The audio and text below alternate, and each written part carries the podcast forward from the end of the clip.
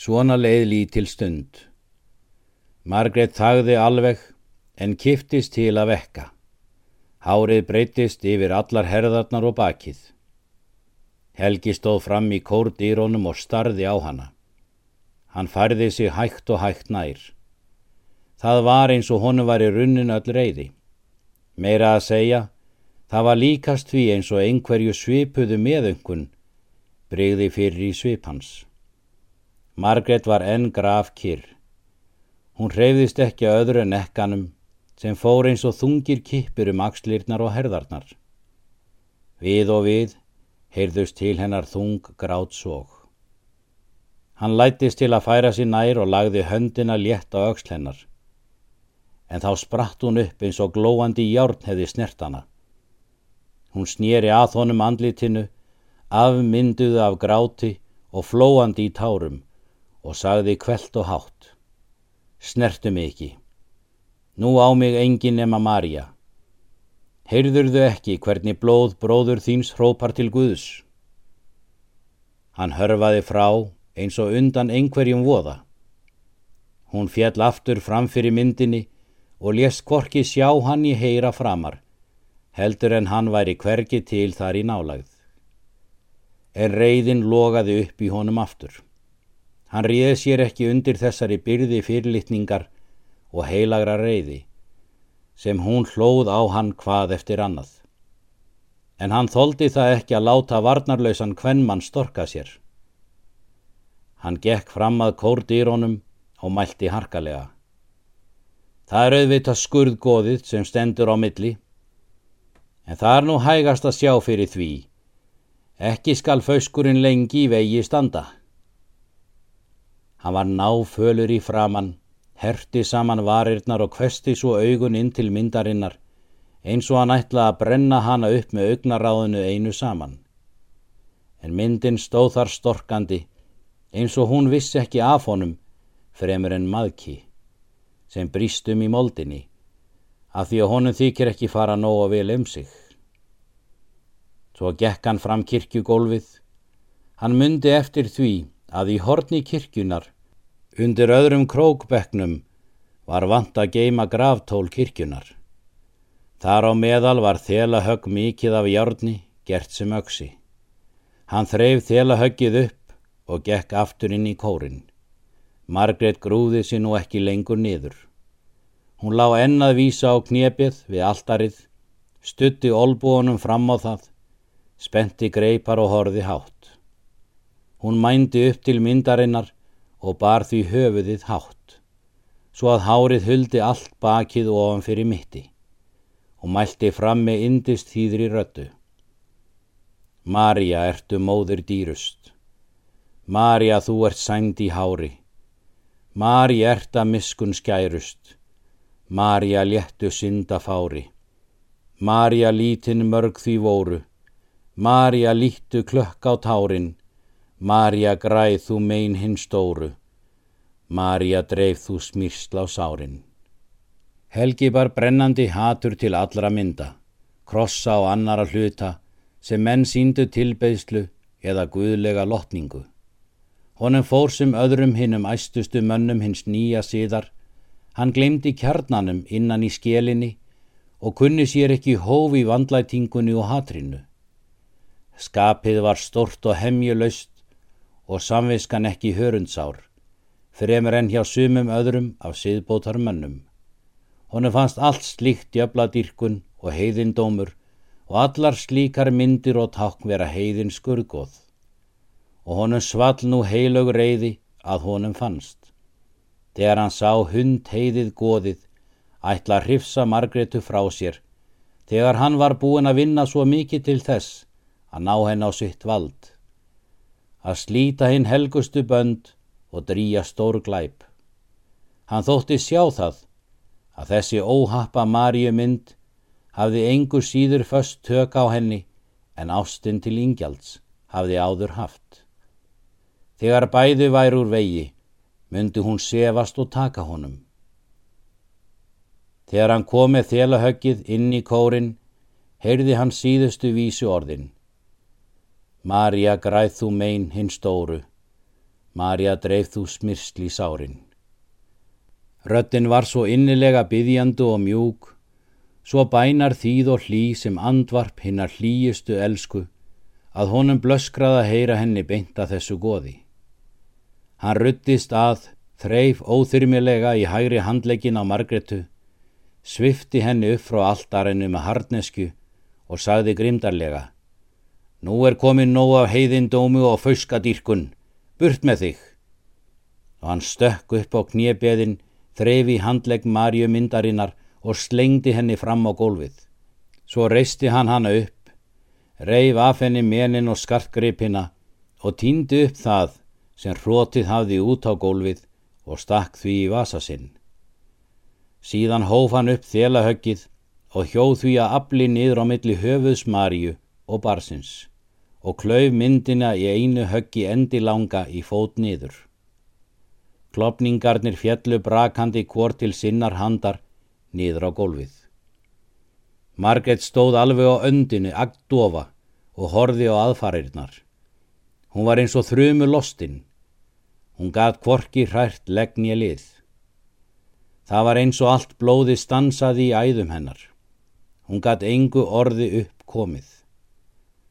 Svo gekk fram af henni ofurmagn ósýpninar og guðleysisins. Og þegar hann hóf þelahöggið, rauður og þrútin af geð ofsanum og klauf myndina, þá greip hún fyrir hjartað, rak upp hátt og skerandi hljóð og hrópaði svo sem í óstjórnlegri örvæntingu. Ingjaldur, Marja, Svo rak hún upp annað hljóðlægra og neig svo niður á kirkjugólfið. Helgi gætti einskis. Hann var eins og viti sínu fjær. Hann reyti þela höggið yfir myndunum og ætlaði sér að mölva þær í marga parta. En þær rökkluðust undan höggunum og stór skemdust en brotnuðu ekki.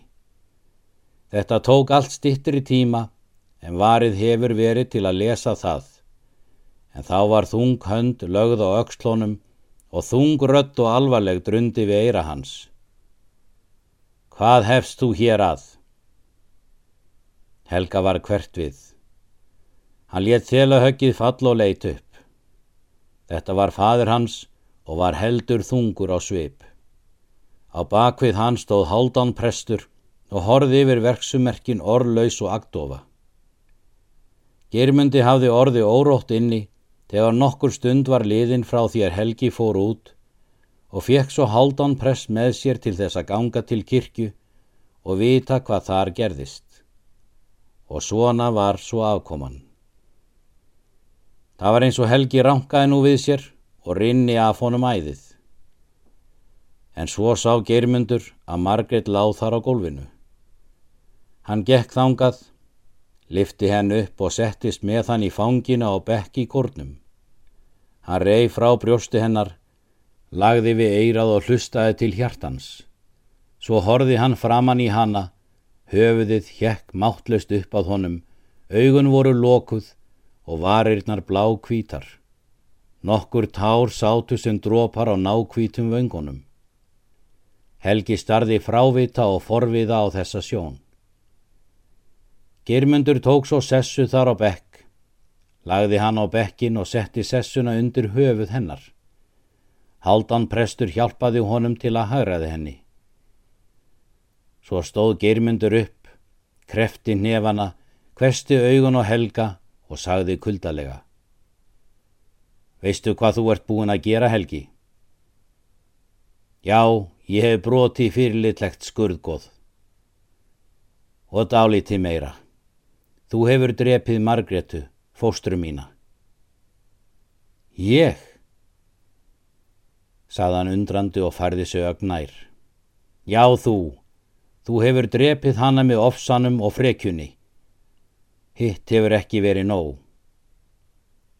Nei, það hefur liðið yfir hana. Hún er ekki dauð. Ekki hef ég drepið hana. Það er ómögulegt. Komdu hérna ef þú trúið mér ekki. Takt á brjóstinu á henni. Hlustaðu. Hvað heyrir þú? Germundur tók í handleik honum og ætlaði að leiða hann að líkinu, en Helgi sleit sig af honum.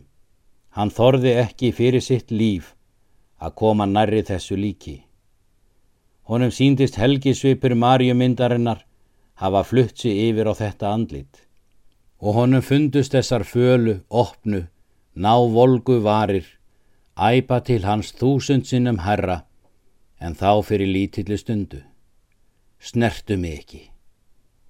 Og hann þorði ekki að koma nær hvað sem í bóði hefði verið.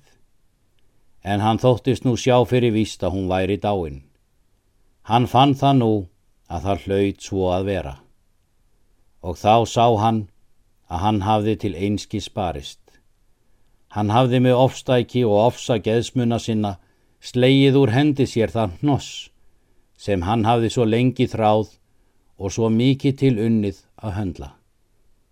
Honum fannst þetta ætla að verða sér að ofurefli. Hann sagði ósjálf rátt í hálfum hljóðum. Eins og yngjaldur. Bæði hafði hann séð þau liggja döið og bæði lífinu svift á helgum stað. Lengra varð ekki komist. Hann hrilti við. Að vísu fannst honum það hafi verið skild að sína mölva niður marjumyndina og þó hefði hann nú í þennan svipin vilja vinna það til að hún væri heil og Margret væri lífs. Sýra Haldán hafði staði agdofa og orðlaus og hort á marjumyndina brotna á gólfinu en nú var hann búin að átta sig. Honum svall óurlegur hugmóður eins og manni sem hefur séð sitt fegurst og kærasta brotið og svívirt. Hann gekk nú að helga, lagði höndina þungt á aukslónum og sagði í þungum rómi. Farðu, farðu út hérðan, nóg er að gert.